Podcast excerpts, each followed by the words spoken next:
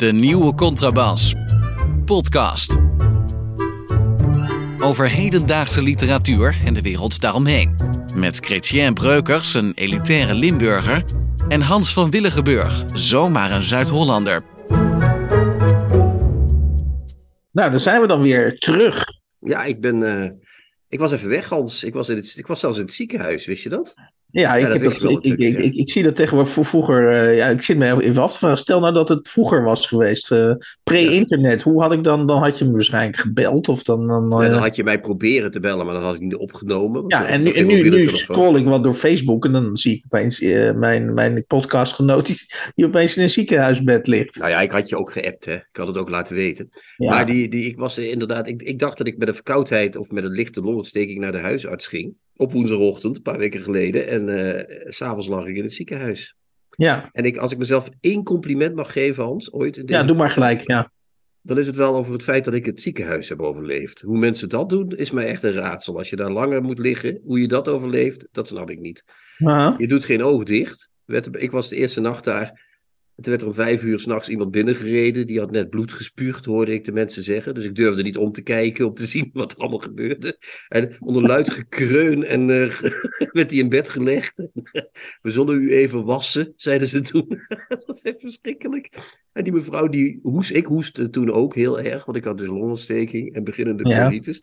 Maar die Ja. vrouw, die, die, dat was echt mega hoesten wat die vrouw deed. Dat was echt vanuit het diepst van haar gemoed kwam daar een soort diepe, Mhm. intense rochel uit.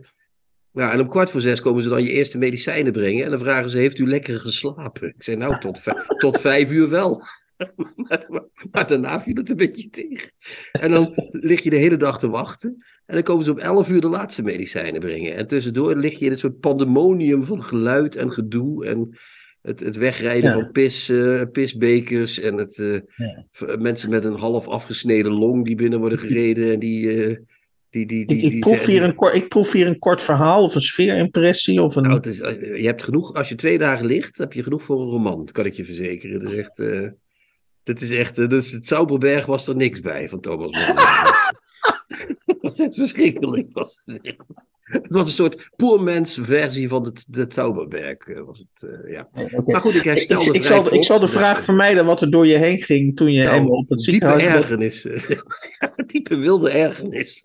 Zo ziek was ik dus nog niet. Maar het waren hele lieve zusters, dat wel, moet ik zeggen. En bro- broeders ook, ja. Nou, dan moeten we het nu weer gaan hebben over de echt belangrijke zaken aangaande de literatuur. hè? Ja. En, ik, weet- ik eh, ja, zeg jij maar, wat zijn dat? Hans? ja, nou, om, te- om beginnen, om te beginnen eh, is daar een niet te vermijden reportage. Eh, overigens, in een groter verband komen we zo daar nog even op terug.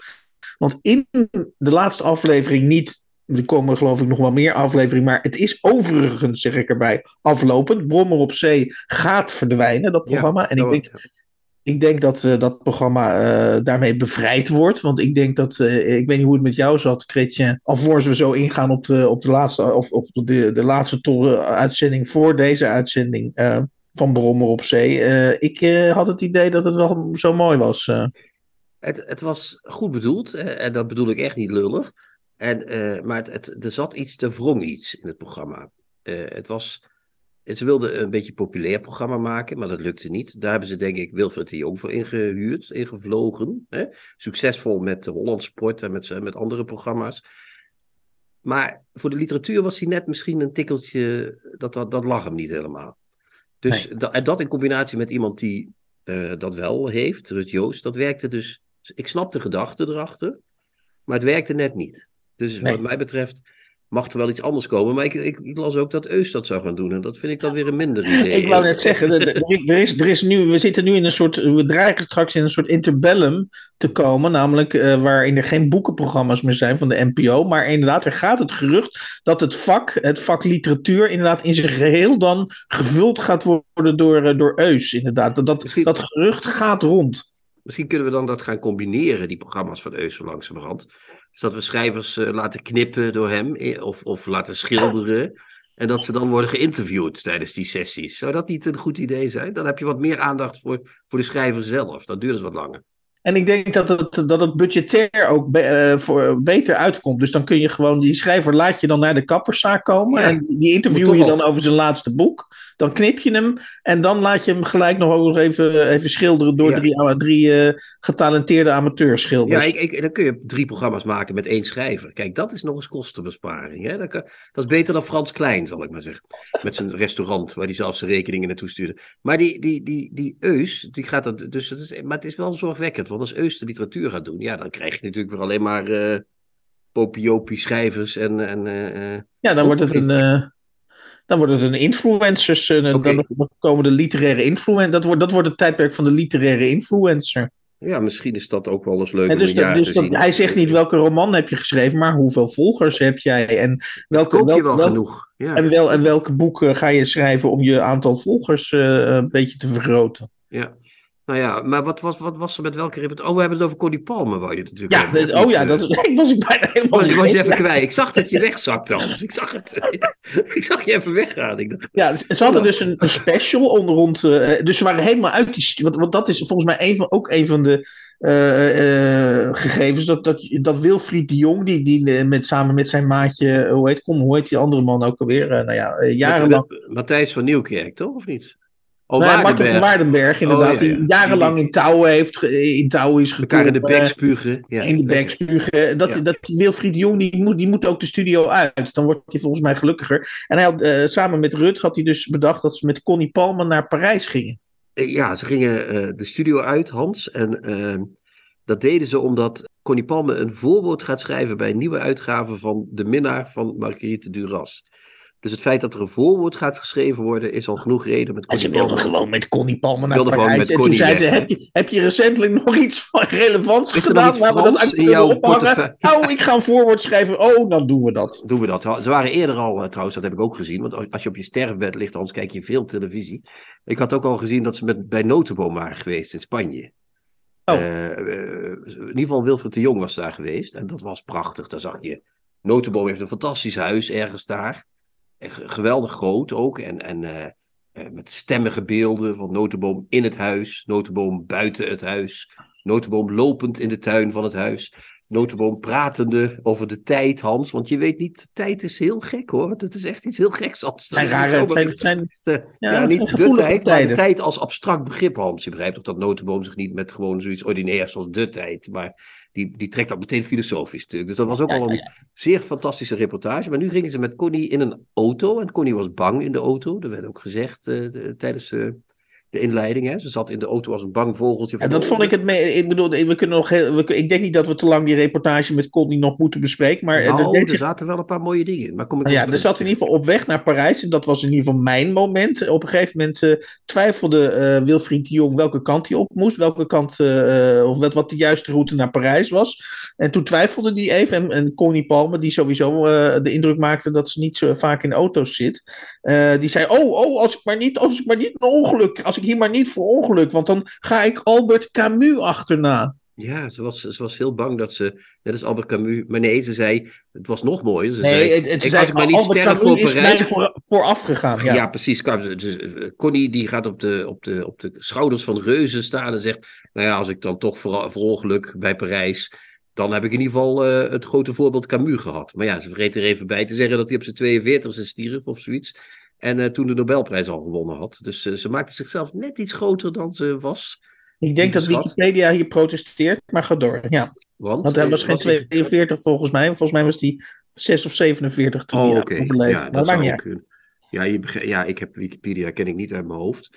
Hij was inderdaad eh bijna 46, bijna 47, heb ik even gauw opgezocht. Eh, maar wat ik wil zeggen, Connie maakte zich wat groter dan ze eigenlijk was. Want ze ging ook, dus voor dat voorwoord, wat ze dus blijkbaar of geschreven heeft of nog gaat schrijven, ging ze op zoek naar de sporen van Duras. Hè? dus Dat was, ze ging voor het huis staan van Duras, waar ze gewoond ja. heeft. Daar ging daar wierp ze een kushand naartoe. Dat was een heel sterk chanson-moment hè, van Matthijs van Nieuwkerk en, en eh, hoe heet die andere, die eh, Flip, Ja, Rob eh, Kemps. Rob ja, die van eh, links-rechts. eh, die. Ja. En eh, die, eh, dat, dat was een soort chansonfilm. Hè? Dat is, eh, alle Nederlandse programma's gaan daarop lijken, ben ik bang. Eh, daarna ging ze naar het graf van Duras. Want ja, die leeft niet meer, dus je kunt er niet meer opzoeken. Dus je zult naar het graf moeten. Verder was er inhoudelijk helemaal niets te melden over Duras. Maar blijkbaar was dat... Stemmingsbeelden zijn genoeg, Hans. Maar daar ging ze ook zeggen, ik begrijp als schrijver, begrijp ik Duras heel goed, begon ze steeds. Dan denk ik, nou Connie, ik heb echt een grote waardering voor uh, Connie Palmer, maar ze trok een iets te grote broek aan, toch, vond ik. Het was allemaal, het had iets, het was ook weer zo stemmig. En dat, dat er zat niks in. Vond je niet? Nou ja, het was zeg maar, uh, hoe, hoe trekken we via het chansonsformat uh, mensen naar een schrijver toe. In dit geval naar Connie Palmer. Ja, maar, ja, en naar Duras dus. Maar hoe, waarom moet het dan altijd gaan over schrijver bij graf, schrijver bij huis... En dan twee of stemmige, drie... Stemmige beelden, je hebt het zelf al gezegd. Ja, maar en dan twee of drie net niet inhoudelijke opmerkingen. En dan uh, it's a rap. En dan allemaal weer terug in de auto naar huis. Uh, ik vind het enerzijds jammer dat het stopt. Maar ik vind het ook dat het niveau nou ook weer niet is dat je denkt... Goh, daar moeten we echt uh, nog twintig jaar mee opgezadeld zitten. Uh, ander onderwerp. Uh, ben je geschrokken van Alexander Klupping? Ja, een be ja, ik schrik bijna altijd een beetje van Alexander Klupping. Hoewel ik hem heel aardig vind. maar ja, een beetje wel. Ik neem aan dat je bedoelt op het, op het programma wat hij ons voorhield. Nou, een programma. het, gaat, het, gaat, gaat over inderdaad een artificial intelligence programma. Waarvan Alexander Klupping bij Op1, gast zijnde bij Op1, beweerde dat dat het begin is, of al een revolutie is, of het begin is van een revolutie. wat betreft schrijven, tekstschrijven en dan met name ook informatief tekst, teksten schrijven. En dat programma heet ChatGPT. En uh, die gaf hij live bij op een allerlei opdrachten. Hij gaf hem onder andere de vrij curieuze opdracht om een, uh, uh, een stuk te schrijven over de stikstofproblematiek. Vanuit het standpunt dat Rutte daar een positieve invloed op, op had. Ja, dat heb ik ook even nagekeken. Ja. En dat kwam een verrassend, weliswaar belachelijk, maar toch verrassend coherent artikel uit naar voren. Hè? Dat is het ja, rare. vond je? Het was, vond je? Nou, het, het, het artikel zelf is coherent. Maar wat erin staat is toch nog allemaal een beetje vreemd, uh, vind ik. Uh, dat zou een gewoon mens nooit zo schrijven. Ik heb zelf ook geprobeerd. Ik heb ook een account aangemaakt. En ik heb ja. toen geschreven iets, schreef iets over Christian Breukers, Nederlands schrijven. En toen kwam er een heel artikel uit over de Vlaamse schrijver Christianus Breukers. Die vijf romans had geschreven die ik helemaal nooit geschreven heb. Dus dat artikel, er moet nog wat informatie in het programma, denk ik. Voordat dat... Maar ik schrok wel. En met name omdat aspect wat jij zei. Kijk, nu is het nog een uh, simpel programma. Maar net als bij Google Translate, hoe meer je erin stopt, hoe beter die kan worden. Dus er komt een omslagpunt waarop dat ding wel degelijk uh, coherente artikelen gaat schrijven. En als je dat dan voor nieuws en voor informatie gaat inzetten, dan wordt, dat echt een, dan wordt het wel een probleem. Want daarmee kun je dus de nieuws- en informatiestroom gaan uh, controleren. Oké, ik ben sceptischer. Uh, ik, ik, neem een sceptischer standpunt in, want ik vergelijk dat, uh, wat ik ervan gezien heb, en die voorbeelden die ook in, in de uitzending werden gehaald, van dat chat-GPT-programma. Ik vond dat uh, heel vergelijkbaar met die functie die je tegenwoordig kan aanklikken als je slechtziend bent en, en je wil een tekst tot je nemen. Dan krijg je zo'n computerstem en die zegt dan de roman De Zeven Bergen van Paolo Cognetti et cetera. Ja, dus, dus, zonder enig accent. En, en, op mij kwamen die teksten die, die uh, uit het programma kwamen, kwamen dus eigenlijk op, op, precies dezelfde manier op mij over. Als, als, het, als inhoudelijk wel kloppend, maar volledig gespeend van enige harmonie of enig, enig, enig leesplezier. En ik, wat, ik me dus, wat, wat mij dus verbaasde, dat ik dacht. Alexander, ik begrijp best wel dat je heel graag wil dat uh, artificial intelligence uh, slimmer wordt. En dat jij ervan overtuigd bent dat artificial intelligence op een gegeven moment ons voorbij steekt. En dat, dat, dat, dat niet alleen schaakpartijen door artificial intelligence gewonnen worden, maar dat ook opinieartikelen op een gegeven moment door artificial intelligence worden. Maar ik denk echt serieus dat het factor leesplezier, uh, cadans van zinnen, et cetera, et cetera, dat dat, uh, ondanks dat jou, jouw vooruitzicht, want daar heb je gelijk in, dat die nog een veelvoud van teksten tot zich in de toekomst tot zich zal nemen, denk ik toch dat ben, ik, ben ik dus niet geschrokken. Dat is dus eigenlijk ja. het punt. Ja, ik weet het ook niet, maar ik denk wel dat dat AI nu nog in het echt in de kinderschoenen staat. En het, ik moest heel erg denken aan Roald Dahl. die heeft een verhaal geschreven dat heet De Verhalenmachine. Mm-hmm. Uh, voor volwassenen. En dat gaat over een toekomst waarin alle schrijvers uh, uh, niet meer zelf hun verhalen schrijven, maar laten schrijven door een verhalenmachine. Een soort computer zou je kunnen zeggen. Dat was het toen nog niet, maar, of althans nog niet in die vorm. Eh, en die verhalen zijn beter dan wat ze zelf konden schrijven en die verkopen beter. En dan is er nog één schrijver, de ik- ik-figuur uit dat verhaal, die houdt eh, koppig vast aan zijn eigen schrijfmanier. En die, maar die heeft op een gegeven moment echt armoedige kindjes achter zich zitten en die denkt, jee, nee, wat is hier allemaal aan de hand? Dus die, die grijpt ook al bijna naar die machine om, om, om, om toch geld te kunnen verdienen. En ik, ik zie er wel een punt komen, niet zozeer in de literatuur, maar wel eh, in die informatievoorziening waarin dat omslagpunt komt en waarin je gaat denken, waarin je ze niet meer van elkaar kunt onderscheiden. Dus ik, ik hoop dat ik geen gelijk krijg en ik hoop dat jij gelijk krijgt. Aha. Eh, dat we dus niet eh, tot een soort controlemaatschappij verworden, zoals eh, uiteindelijk dan in Daal ook gebeurd is. Voor de literatuur lijkt het me nog wel aardig dat sommige schrijvers erop over. Daar lijkt het me wel een zegen voor, als ik eerlijk moet zijn. Dan denk ik, Ja. nou, ik heb zo'n top 10 klaar. Die, eh, Oké, maar, maar even dat ik je goed begrijp. Dus over een potentieel, als ik over tien jaar op een feestje sta en ik zeg ik ben journalist, dan zou het zomaar kunnen zijn dat de- degene tegen wie ik dat zeg, dan concludeert, oh, dat is iemand die als hij thuis is, straks naar huis gaat. welk, welk drukt- programma vragen be- gebruik die je? drukt gewoon op een knop en Ja. dan, komt er, dan komt er een informatief artikel uit. Ja. Maar je lacht erom, maar bij zakelijk kijk, bij gewoon vertalen, bij literair vertalen gebeurt het nog niet. Maar bij zakelijk vertalen Ja.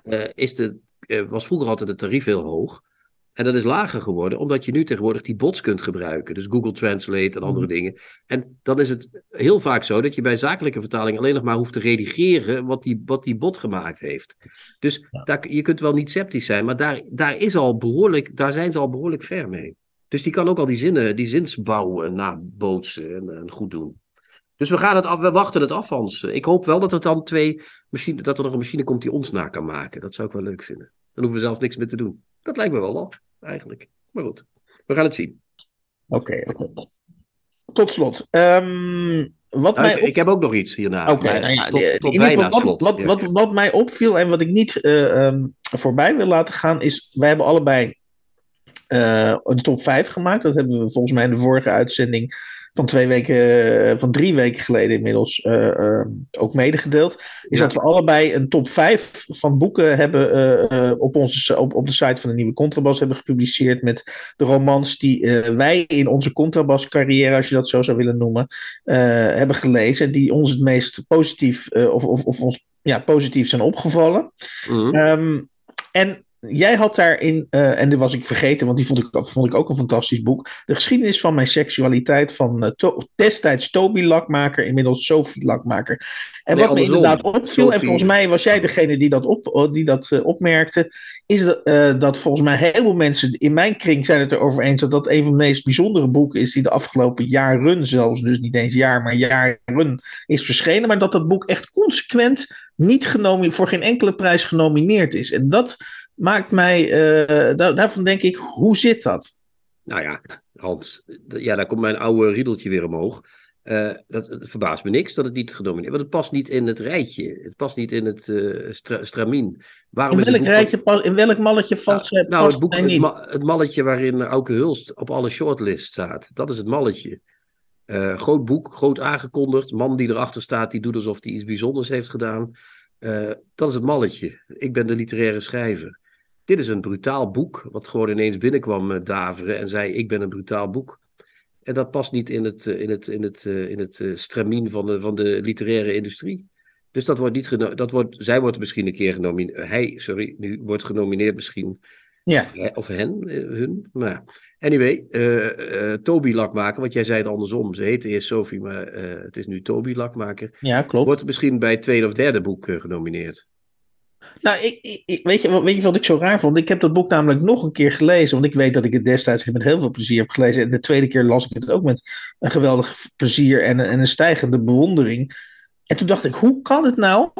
Eh, en toen dacht, ik, toen dacht ik echt serieus. Misschien is dit wel gewoon te goed geschreven. Misschien is dit en, en tussen aanhalingstekens ook te populair en te, en te gespitst. En, en te, te, te, eh, misschien ook te wereldwijs eh, geschreven. En, en ehm, ja, vinden ze dat eh, bij die literaire juries niet zo'n eh, niet zo'n prettige levenshouding of zo? Want ze Nou ja, maken- je, ja, je, hebt, je, hebt Jeroen Dera in, in een van die juries zitten, van de, van de Boon. ja, precies. Eh, er zitten allemaal mensen in juries die, die, die er voortdurend blijk van geven dat ze geen smaak hebben. Dus wat, ja, wat verbaast je eigenlijk nog? Ik bedoel, wat, wat is, wat is de, waar zit de verbazing?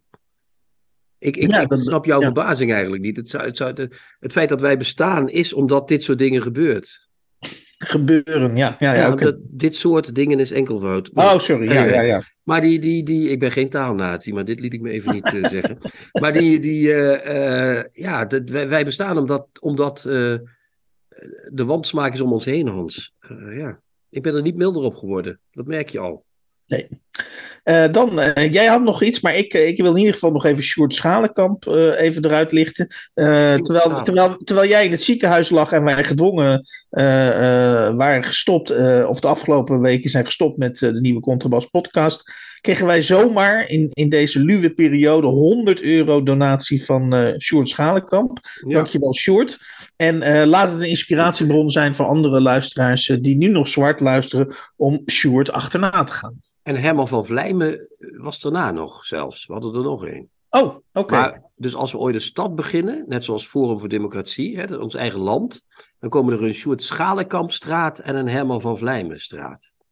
Toch? Of een steegje misschien om te beginnen, maar in ieder geval ze krijgen een mooi plekje. En ik heb dan nog als slot, nee nee, ik heb nog één dingetje, want ik zag vandaag een aankondiging op Twitter van Philip Huff. Die gaat een dichtbundel publiceren. Eh, dat is op zich al vrij ernstig nieuws natuurlijk, want je moet er werkelijk niet aan denken dat Philip Huff poëzie gaat schrijven. Maar die gaat verschijnen bij, zag ik tot mijn stomme verbazing, Prometheus, Hans. Het bedrijf waar die toen de, eh, dat artikel in de, in de NRC stond van eh eh, Palach.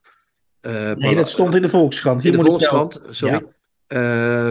Oh, niet van Palach trouwens, maar ofwel, ja. Daar had zij aan meegewerkt, ja. Daar had zij meegewerkt. werd Over- daarin in opgevoerd, ja. Ja, over die werkomstandigheden in, in, ehm, bij Prometheus. Ja. Zei Philip Huff, nou, ik ben nu in onderhandeling met de staf en met de redactie. Of dat daar wel, want daar moet echt iets veranderen, anders ga ik ook weg. Maar ik denk dat er niet veel onderhandeld is, want eh, het boek komt gewoon weer braaf bij Prometheus uit. Dus mocht Philip Huff ooit nog bij een talkshow mensen moreel de maat eh, nemen, dan kunnen we er altijd bij denken, nou, en met je zout ernaast, Philip, hè? want zo principieel is die nou weer niet. eh. Weg met Philip Huff, wou ik even zeggen, tot slot. Tips van de week. Boeken, artikelen of pamfletten die boven het maaiveld uitsteken.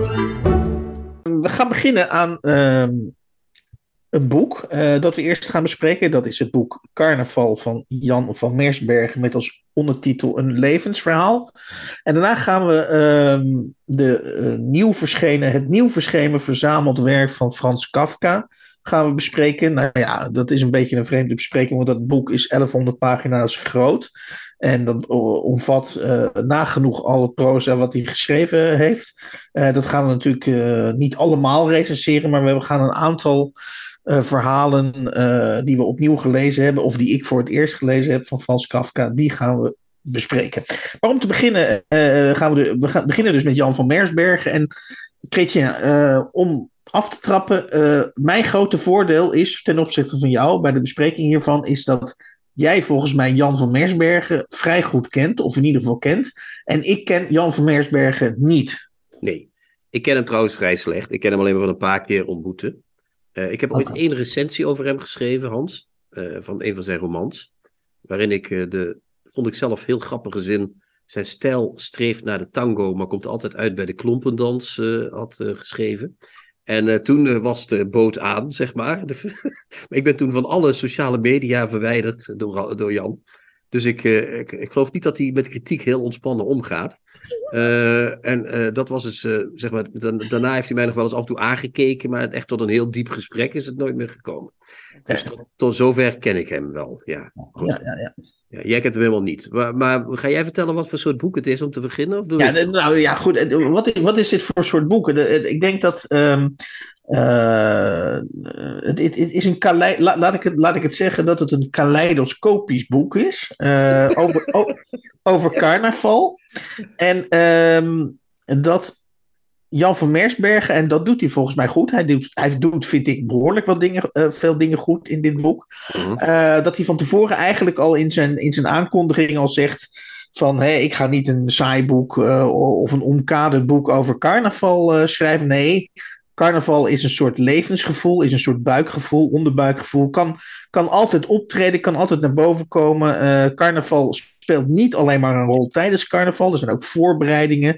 Uh, bovendien is er, is, er, is er na carnaval is er als woensdag. Uh, met andere woorden, eigenlijk als hoe langer je in dit boek leest, hoe meer je overtuigd raakt van het feit dat carnaval eigenlijk overal is. En, en, en, die suggestie uh, vind, ik al, uh, vind ik al wel knap. Op hij, heeft, hij heeft er wel, dat zeg ik er wel gelijk bij.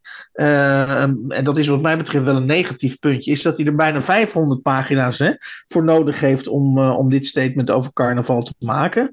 Ehm, maar goed, ik, ik, ik, heb, ik, ik heb wel met stijgende bewondering. Ik vind het ook vooral een heel erg sympathiek boek op een of andere manier.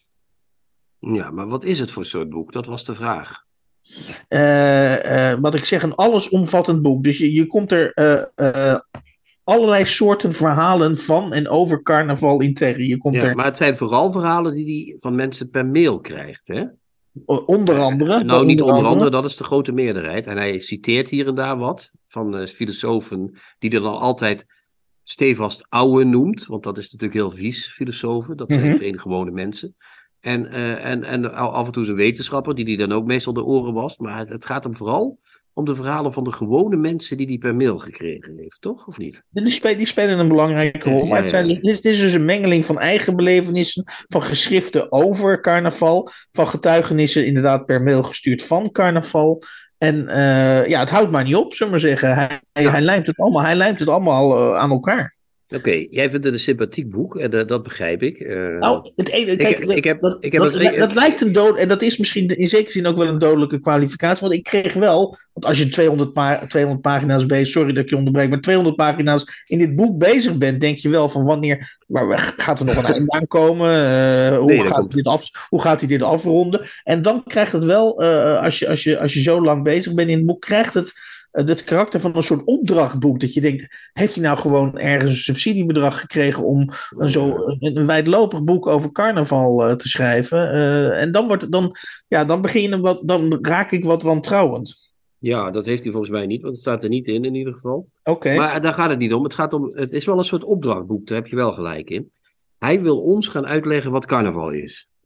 Dat is heel vreemd, want hij is om te beginnen is hij een Hollander. Niet de meest carnaval-mindede provincie. Mm -hmm. uh, en uh, hij komt dan naar Limburg en gaat ons dan uitleggen, want ik, ik zeg nu even ons voor het gemak, want ik ben zelf ook een Limburger, wat carnaval is.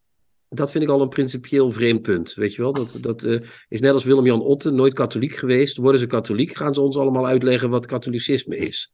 Vind ik ook vreemd. Dat is, ja, dat is, dat is mijn eerste... Zeggen juist de, de blik van de buitenstaander is, is misschien juist scherper. Maar goed, oké. Okay. Ja, dat zou kunnen, dat zou kunnen. Maar die is ook vaak fanatieker, hè? dat is ook nog vaak zo.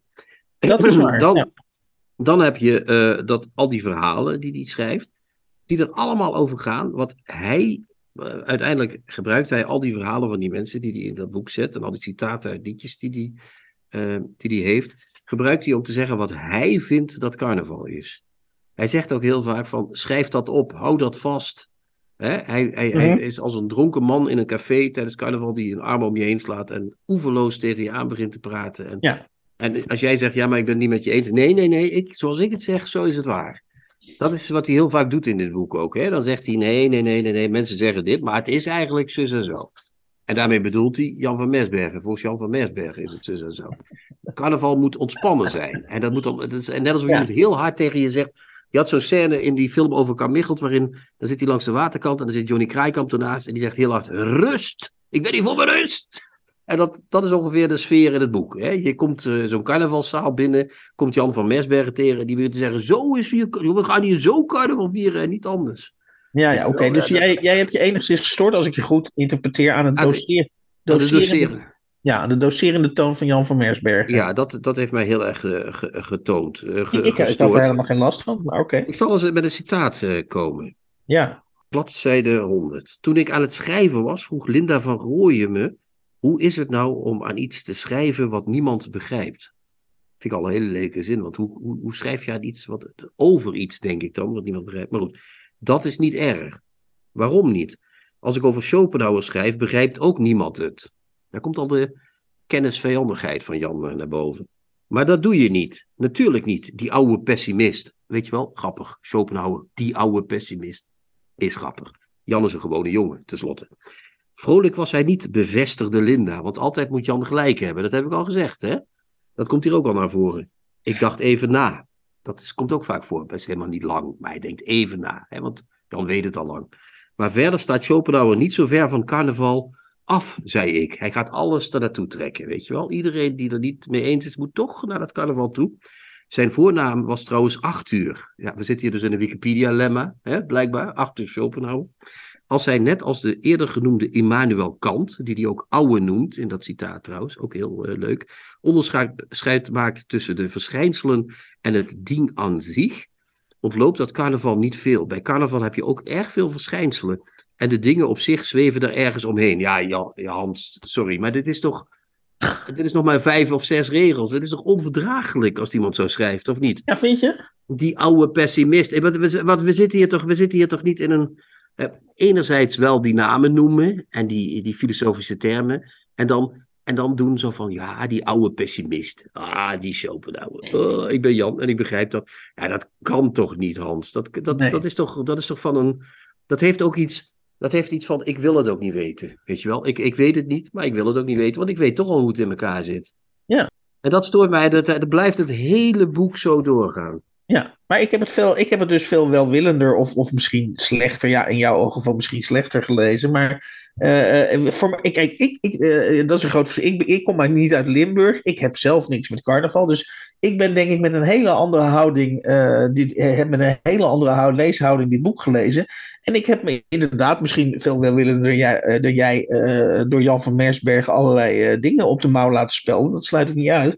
Maar wat ik bijvoorbeeld heel grappig vond aan dit boek, is dat hij, wat ik net zei, is dat hij uh, probeert aan te tonen dat uiteindelijk uh, het, mensen ehm, bijna doorlopend met carnaval. Dat is natuurlijk niet zo, maar hij suggereert dat mensen bijna doorlopend met carnaval bezig zijn. Met andere woorden, ze zijn al bezig met carnaval voor, als ze hun kledij gaan uitzoeken, als ze hun vermomming gaan aantrekken, als die praalwagens, et cetera, et cetera. Ja, dat was voor mij, dat was voor mij, ik wil niet zeggen leven schokkend of, of wat dan ook, maar ik, ik, ik vond dat wel, wel grappig. En, ik, en, dat die, en ik, wat je ook in dat boek volgens mij merkt, is dat hij heel erg zijn best doet om dat carnaval te romantiseren. Want in een tijd waarin we dus uh, alles met data uh, wordt dichtgeplakt en door Google, ja, probeert hij carnaval, en dat vind ik best af en toe vermakelijk, eigenlijk van carnaval het feest te maken van, ja, van het bandeloze. En dan kun je zeggen, ja, dat is toch een open deur, Hans. carnaval als, als, ontsnappings, als ontsnappingsfeest. Maar mm -hmm. ja, ik, ik, ik, ik heb me met, met, met enig plezier heb ik me al die verhalen over carnaval laten, laten aanleunen. Het is, het, ik snap het helemaal, maar ik ben het niet met je eens. Het is doserend, het is slecht geschreven. Wat ik net voorlas was echt krukker geschreven. Het is neerbuigend tegen kennis, tegen mensen die niet gewoon zijn. Volgens, gewoon volgens de definitie van, van Jan, wat niet helemaal duidelijk wordt wat dat is. En het is ook heel sentimenteel, het boek. Wat jij net zei, dat verbonden zijn en zo. Kijk, je, we kunnen carnaval. Ik heb zelf ook carnaval gevierd. En je moet er aanleg voor hebben, dat is waar. Ik heb dat niet. Ik kan mij niet in massa's verliezen, dus ik kan niet zo goed meedoen. Dus dat mhm. ligt ook aan mij. Maar dan staat er op bladzijde 410. Ik heb echt geworsteld, Hans. Ik ben helemaal uh, de berg opgeklommen. Zeg maar. Daar staat dan een oude man die zich voor de laatste keer naar het plein sleept. Zijn benen vermoeider dan zijn hoofd zal denken. Dat is ook al zo lelijk, hè? Die neemt de jeugd mee, want hij wil er zijn en zijn kinderen en kleinkinderen daar zien. Nog voor zij dood willen laten zien dat carnaval leeftijdloos is. Carnaval is het naderende einde en opnieuw geboren worden. Ik zeg het er maar meteen bij. Die twee samen. Weet je wel? Ja, ja. sorry Hans. Maar ik, ik heb natuurlijk respect voor zo'n oude man die nog één keer feest wil vieren. Maar als je dat zo opschrijft, dan maak je die man eigenlijk nog doder dan die al is waarschijnlijk. Eh, dat, dat, dat, is echt een, dat is een dodelijke stijl. Dit is, echt, dit is echt een feest kapot maken en dan zeggen... Ja, maar zo is het. Zo, als ik het zeg, is het. Maar ik heb het eerst kapot gemaakt. Ja, ja. Nou ja, echt, ik, ik, ik, ik, ik, ik, verdraag het niet. Ik kan het boek niet verdragen. Het ja, ik vind, het, ik vind het prima en ook heel goed dat je een aantal. Want, want het is waarschijnlijk wel heel veelzeggend voor de manier waarop jij het gelezen hebt en de manier waarop ik het gelezen heb. Ik heb me dus in feite in zekere zin een beetje in slaap laten sussen, als je dat zo zou kunnen noemen. Door die, door die, door die cadans waarin hij die verhalen schrijft, die inderdaad oeverloos is. Maar En- zag je dan niet dat het lelijke zinnen waren? Je nou ja, daar, ben ik, heb ik dan misschien, daar heb ik dan misschien. Maar ik vind het dus heel goed dat jij deze twee eh, citaten daaruit eh, pikt. Omdat jij waarschijnlijk hebt gedacht. Ik vind dit zo onverdraaglijk om te lezen. Nu ga ik hem ook vastpinnen op een paar eh, passages die volgens mij echt niet deugen. En eh, ja, als je het En het inderdaad- zijn er heel veel. Het is, maar het zijn er maar twee. Het is echt een. Ik heb ezelsoortjes gemaakt. Hebt tegen mij gewoond. Het, het boek staat helemaal bol van de ezelsoortjes. Het is, Ja. echt, het is overal. Het is alom. Eh, Oké. Maar dat, we hoeven het er niet over eens Nee, te worden. nee, nee, dat is mooi. Is mooi, Ik, ik mooi. heb me dus eh, als niet-carnavalsliefhebber, of eh, eigenlijk een totaal onbekende eh, tegenover het fenomeen car- eh, carnaval, heb ik me eh, op een prettige manier eh, eh, dromerig laten wegvoeren op al die levensverhalen in en over carnaval door Jan van Mersbergen, waarvan Chrétien dus eh, eh, zeer terecht eh, eh, eh, volgens mij zegt dat het, eh, als je het wat eh, closer read, om het zo te zeggen, eh, vol staat met allerlei eh, afschuwelijke, ja, wat zullen we zeggen? Sentimentele prietpraat. Oké, ja. Maar daar staat het volgende boek niet vol mee, Hans. Dat staat verre van vol met sentimentele prietpraat. Ja, we gaan over naar een boek wat, wat- waarvan ik eh, eh, op Facebook heb gezet dat ik er spontaan, eh, en nog even los van de inhoudelijke dingen die we er zo over gaan zeggen, waarvan ik spontaan eh, heimwee kreeg naar de, of, of, verlangen, ging verlangen naar de e-reader. Want dit, dit, ik heb dit boek, eh, ik heb dus een paar verhalen eh, uit het verzameld, nieuwe verzameld werk uitgegeven, de Atheneum van Genep en Polak van Frans Kafka. eh, gelezen. En eh, ik kreeg echt een lamme pols van het vasthouden van het boek. Ja, het is, het is, het is voor zo'n boek. Het, is niet, het, is, het is sowieso geen fraaie. Ja, laten we eerst even de negatieve kant behandelen. Het is geen fraaie uitgave. Om de volgende redenen. Het is, het is heel groot. Dus als je het openslaat, eh, moet je inderdaad eh, stut onder je armen doen om het te kunnen vasthouden. Ze hebben een wit omslag gekozen. Heel mooi eh, op zich. Maar niet gelamineerd. Dus als je, je mag er geen kopje koffie op zetten. Want er staan meteen kringen op op het boek. Het is heel besmettelijk. En ze hebben binnenin gedacht. We gaan eens kijken hoeveel letters we op een pagina kwijt kunnen. En eh, die wedstrijd hebben ze glansrijk gewonnen. mijn, mijn, eh, mijn, mijn leesbril was er niet echt tegen bestand bijna. Zo klein eh, staat het. Hè? Dus het had allemaal wat mooier gekund. Maar goed, het is er wel. En het is mooi opnieuw vertaald door Willem van Toorn. Allemaal, moet ik zeggen. Want ik heb het namelijk... Dat is het voordeel als je op je sterfbed ligt. Al. Ik heb alles gelezen, van voor naar achter. Ehm, die romans, het proces, het kasteel. Hè? Vroeger het slot, maar nu het kasteel. Ja. Amerika. Die drie romans, het zijn echt allemaal... eh, ja, het is niet te geloven. Maar wat heb jij precies gelezen? Dan gaan we daar even naartoe. eh. Eh, ik heb op, jou, op jouw verzoek heb ik In de Strafkolonie gelezen. Oh ja, dat is een fantastisch verhaal natuurlijk. En heb ik Brief aan mijn vader gelezen. Ja? En heb je de gedaanteverwisseling nog kunnen doen, of niet? Nee, de gedaanteverwisseling, die, ja, die heb ik natuurlijk... Nee, nee, nee, dat hoeft ook niet. Maar dat Ja, is. Eh, misschien is het. Kijk, bij Kafka is het volgens mij zo, als ik dit, eh, dit hele werk eh, overzie. eh, heel veel van die eh, verhalen van Kafka, die bestaan eigenlijk uit gesprekken die mensen hebben, of met zichzelf, of met elkaar. Hè? Dat gaat de hele tijd. Ja, maar het is zus. Nou, maar het zou ook zus en zo kunnen zijn. Of is het niet zo dat. En ook bij In de Strafkolonie. Is het, eigenlijk dat hele verhaal is een gesprek tussen twee mensen. Over, over een bepaalde. Vertel jij maar, want we hebben daar een geweldige Ja, ja, ja, ja, manier nee, van mensen executeren. Ja, ik, heb, ik, ik heb er geweldig van genoten van. In de Strafkolonie. Dus al, alle mensen die nu luisteren en denken, waar moet ik beginnen eh, eh, met Kafka? Nou, wat mij betreft begin je met In de Strafkolonie. Ja. Eh, in de Strafkolonie gaat over, in feite is de hoofdpersoon is een martelwerktuig. Ja. En wat voor een? De echt geheten. Ja. En, en er zijn dus, hè, om even in jouw stramien te blijven, eh, eh, er zijn dus twee mensen die het over dat martelwerktuig eh, hebben. Eh, de ene persoon is, geloof ik, een commandant. of, De officier, hè? Ja. Of een officier. En een die- reiziger. Ja. En, die legt, en die legt aan de reiziger uit hoe, dat, hoe, hoe dat martelwerktuig precies werkt. Nou, eh, probeer het maar eens na te vertellen, Hans. Ja, Eh, het is een soort, eh, soort printmachine, zou je kunnen zeggen. Het is een soort het, is soort naalden. tosti, het is een soort tosti-ijzer waar je als, als, als, als veroordeelde in moet gaan liggen. Ja, en dan, en dan gaan naalden gaan dan op jou. ja, er zitten je dus vonnis- naalden aan de bovenkant. Ja, en die moeten En die gaan gaan in je je rug. Die, Ja, die gaan je vonnis opschrijven, hè, als het ware, in je rug. En steeds dieper ook. Dat is het, dat is het vervelende van dat schrijven, zeg maar. Bleef het maar bij een tatoeage. Maar op een gegeven moment is die hele eh, veroordeelde, die blijft en heel lang leven. Dat is het nare ervan. Ehm, En, en, en, en die is op het laatst toch helemaal aan flarden gesneden. Dus het is echt een diepe verschrikking, dat apparaat. Maar die man, die officier, is daar heel trots op. En die heeft eigenlijk met die reiziger een heel gesprek van... Ze willen het afschaffen in de strafkolonie, maar ik vind toch, hij vindt het toch jammer dat dat, uh, dat, dat uh, gebeurt. Want hij ziet dat toch als een soort ideale manier om de straf te voltrekken. Hè? Als een soort ultieme goedmaking van die mensen die iets misdaan hebben. Die moeten daar dan op, op ja. dat machientje. En die, uh, ja, die, ik, ik, ik, ik, die worden gezuiverd door zijn apparaat. Als ja, ik zag bij dat, bij, dat, bij dat bijzondere tosti ijzer, noem ik het maar eventjes, waar die veroordeelde dan tussen moet gaan liggen. Ik zag een tekening van Gumba, zag ik er uh, bij. Ja, maar dat, dat, is te absurd, denk ik. ik. Ik snap wel wat je bedoelt, want het is natuurlijk iets heel geks. Maar wat er bij Kafka natuurlijk heel vaak speelt, is die, die veroordeelde, en uiteindelijk ook die officier, want hij neemt als laatste plaats op, het, uh, op de eg en laat zich dan ook uh, ja, doodmaken, komt het eigenlijk mm -hmm. op neer. Um, bij Kafka gaat het altijd over het inlossen van een bepaalde schuld. Maar je weet nooit precies wat voor schuld dat is. Hè? Je hebt uh, bij proces die man die wordt, veroordeeld, die wordt uh, gearresteerd. En die probeert de hele roman erachter te komen waarom die gearresteerd is. En of die alsjeblieft een keer kan worden voorgeleid. Dan weet hij tenminste wat mm -hmm. hij misdaan heeft. Je hebt mensen die proberen iets te zijn bij het slot, bij het kasteel die, die gaan naar dat kasteel toe, maar ja, die komen daar maar niet. En die proberen wel daar te komen, maar daar, ja. er gebeuren allerlei dingen. Die, die man van dat kasteel, die, die, die maakt in dat dorp allerlei vijanden. En die komt maar niet in dat kasteel, omdat hij steeds in dat dorp alles moet oplossen. Wat hij zogenaamd ja, fout gedaan heeft. Ja. Er zijn altijd schuld en boete spelen bij Kafka een ja, rol. En dat, is, en dat speelt in dit verhaal natuurlijk ook een rol. Ja, uh, en wat, maar wat, wat, wat, zijn kwali wat hem bijzonder maakt, want, want het punt is natuurlijk van waarom, waarom uh, als je dit gaat lezen, waarom, overle waarom heeft dit al heel lang over, is dit al heel lang overleefd? Wat, nee, dat, uh, heeft dit al heel lang overleefd? En waarom gaat dit proza van Kafka nog heel lang overleven? Is omdat uh, aan de oppervlakte gaat het natuurlijk dan over dat uh, martelwerktuig en over, over, die, over die officier en over die reiziger.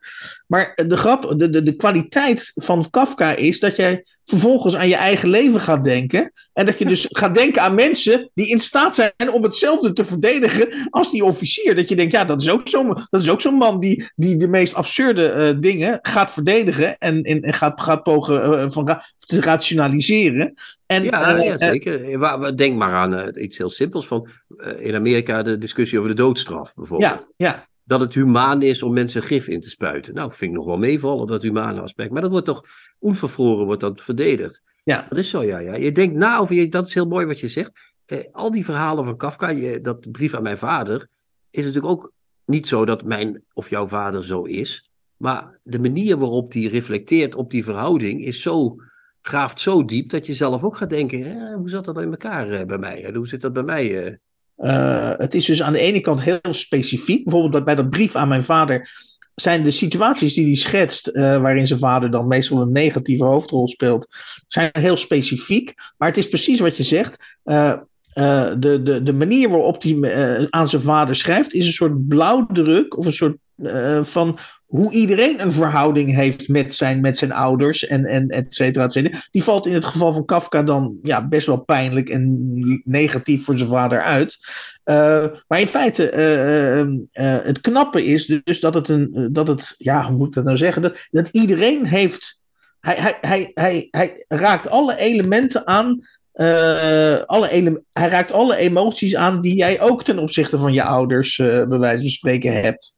Ja. En, en dat, en, dat en, maakt het, en dat maakt het dus uniek. En, en dat, dat is een groot woord. En dat, dat is een groot woord waar ik heel voorzichtig mee ben. Maar uh, in het geval van Kafka wil ik dat best aan mijn mond laten ontsnappen. Dat maakt, dat maakt bijvoorbeeld ook weer brief aan mijn vader universeel. Ja, nou ja, het is net als met alle grote schrijvers. Kafka, uh, Virginia Woolf, uh, noem er nog eens een, Shakespeare worden altijd mm-hmm. anders gelezen door iedere generatie. Dat is iedere precies. generatie. En dat, dat goede schrijvers, hele grote schrijvers, hebben dus de, heb, daarbij krijg je de mogelijkheid om dat opnieuw te lezen.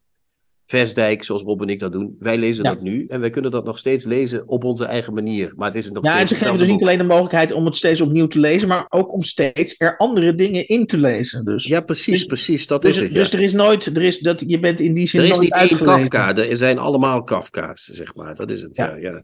Ik, heb nog één, uh, ik wil nog één uh, verhaaltje, dat is heel kort, dat is maar één bladzijde. Ja. En dan moet ik het wel even vinden.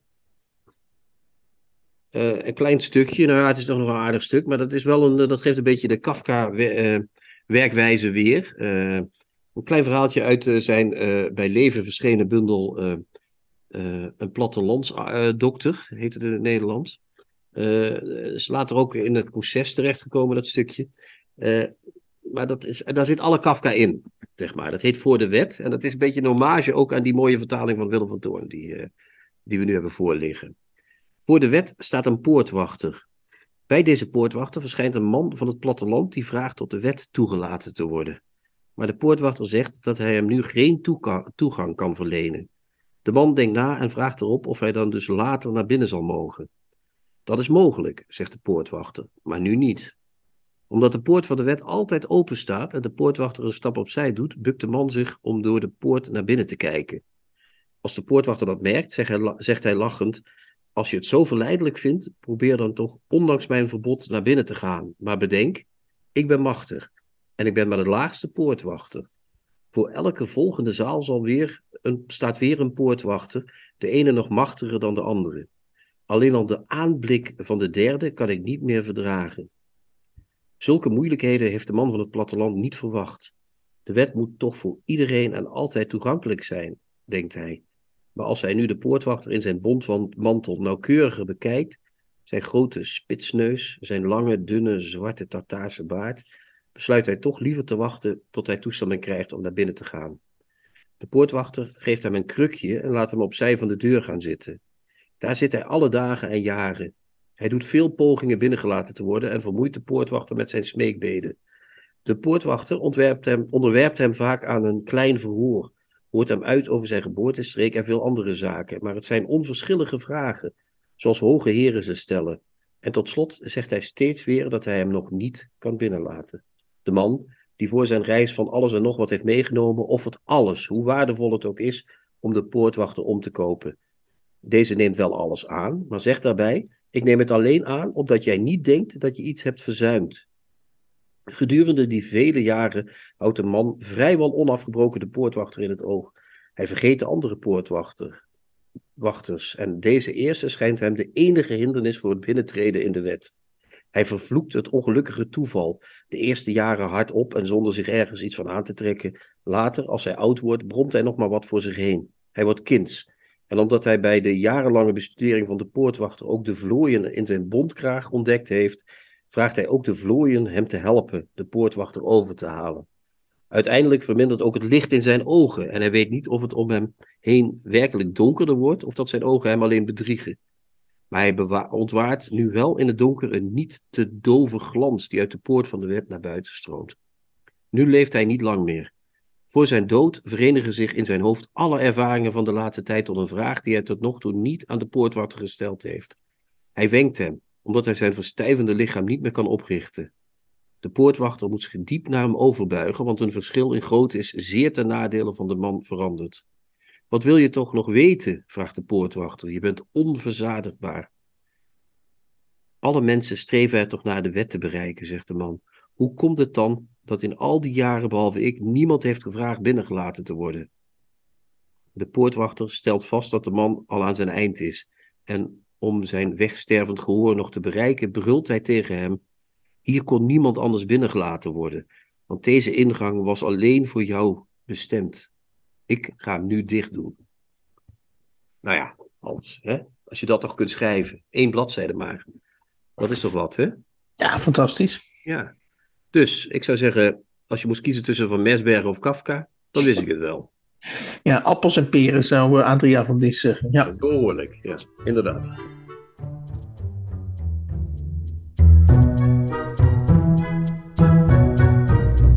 De nieuwe Contrabas. Podcast. In de 84ste aflevering van de nieuwe Contrabas podcast uh, kwamen voorbij, uh, achterin volgens Carnaval, een levensverhaal. De persoonlijke biografie van ons volksfeest. Het zijn dus twee ondertitels eigenlijk. Een levensverhaal en de persoonlijke biografie van ons volksfeest. Geschreven door Jan van Mersbergen en verschenen in 2022 bij Nijg en Van Ditmar. En dan uh, hadden we dat die prachtige uh, baksteen. Uh, het verzamelt uh, proza van Frans Kafka. Dat moet je dus idealiter bewaren in een soort, in een soort vitrine. Uh, want inderdaad, als je. eromheen. Om het ja, want als je dat niet doet. Uh, en, en je gaat er zoals ik met je vuile, vuile typevingers aan dat boek zitten. Dan, uh, dan ziet het binnen de kortste keren niet meer, niet meer uit. En we zijn natuurlijk Atheneum van Gennep en Polak, de uitgever, heel erg erkentelijk dat ze dit prachtige boek naar ons opgestuurd hebben. Maar dit is dus een klein kritiekpuntje. nogmaals. En ze heten trouwens ook Polak en van Gennep. Niet ja. van Gennep en Polak. Maar goed, dat maakt niet. Oké, okay, Atheneum. Polak en van Gennep en van Gennep. Uh, die hebben dus uitgegeven uh, het verzamelproza van Frans Kafka, verschenen in 2022. En helemaal opnieuw vertaald door Willem van Toorn. Hè? Ja, en uh, dat boek telt 1125 pagina's. En daar kan er geen één van weg. Zo is het. Rest ons slechts te hopen dat we goede gezondheid blijven houden, toch, Hans? Vooral, vooral ik dus, ja. Laat, laten, we, laten, we dit, laten, we dat, laten we onze schietgebedjes vooral uh, richting jou. Uh, ja, dat ik niet weer. Ja, ik moet nou, binnenkort wel weer. Maar dat ik in ieder geval niet voor deze kwaal weer opgenomen word. Want dat was geen feest, mag ik zeggen. Maar ik ben blij dat ik er weer ben, moet ik zeggen. Was, het, was, ik, was ik te doen of niet? Ja, je, je, nou ja. Zesje, ik, ik, ik, had, ik heb wel het gevoel dat Jan van Mersbergen dat hij welk, achter welke struik die zich ook had, uh, had verborgen, jij, uh, jij, jij die struik wel onder vuur had genomen. Ja, dus, dat weet ik niet altijd. Dat vind ik toch. Dat is altijd hetzelfde als je kritiek op iets hebt. Ja, je bent jaloers. Of ja, je hebt. Nee, dat zeg ik niet. Ik vind, ja, nee, dat zeg jij niet. Maar dat zeggen mensen dan vaak. Je bent jaloers of het is dit en dat. Maar ik vind het echt geen. Ik vond het echt niet meevallen om het te lezen. Dus dat.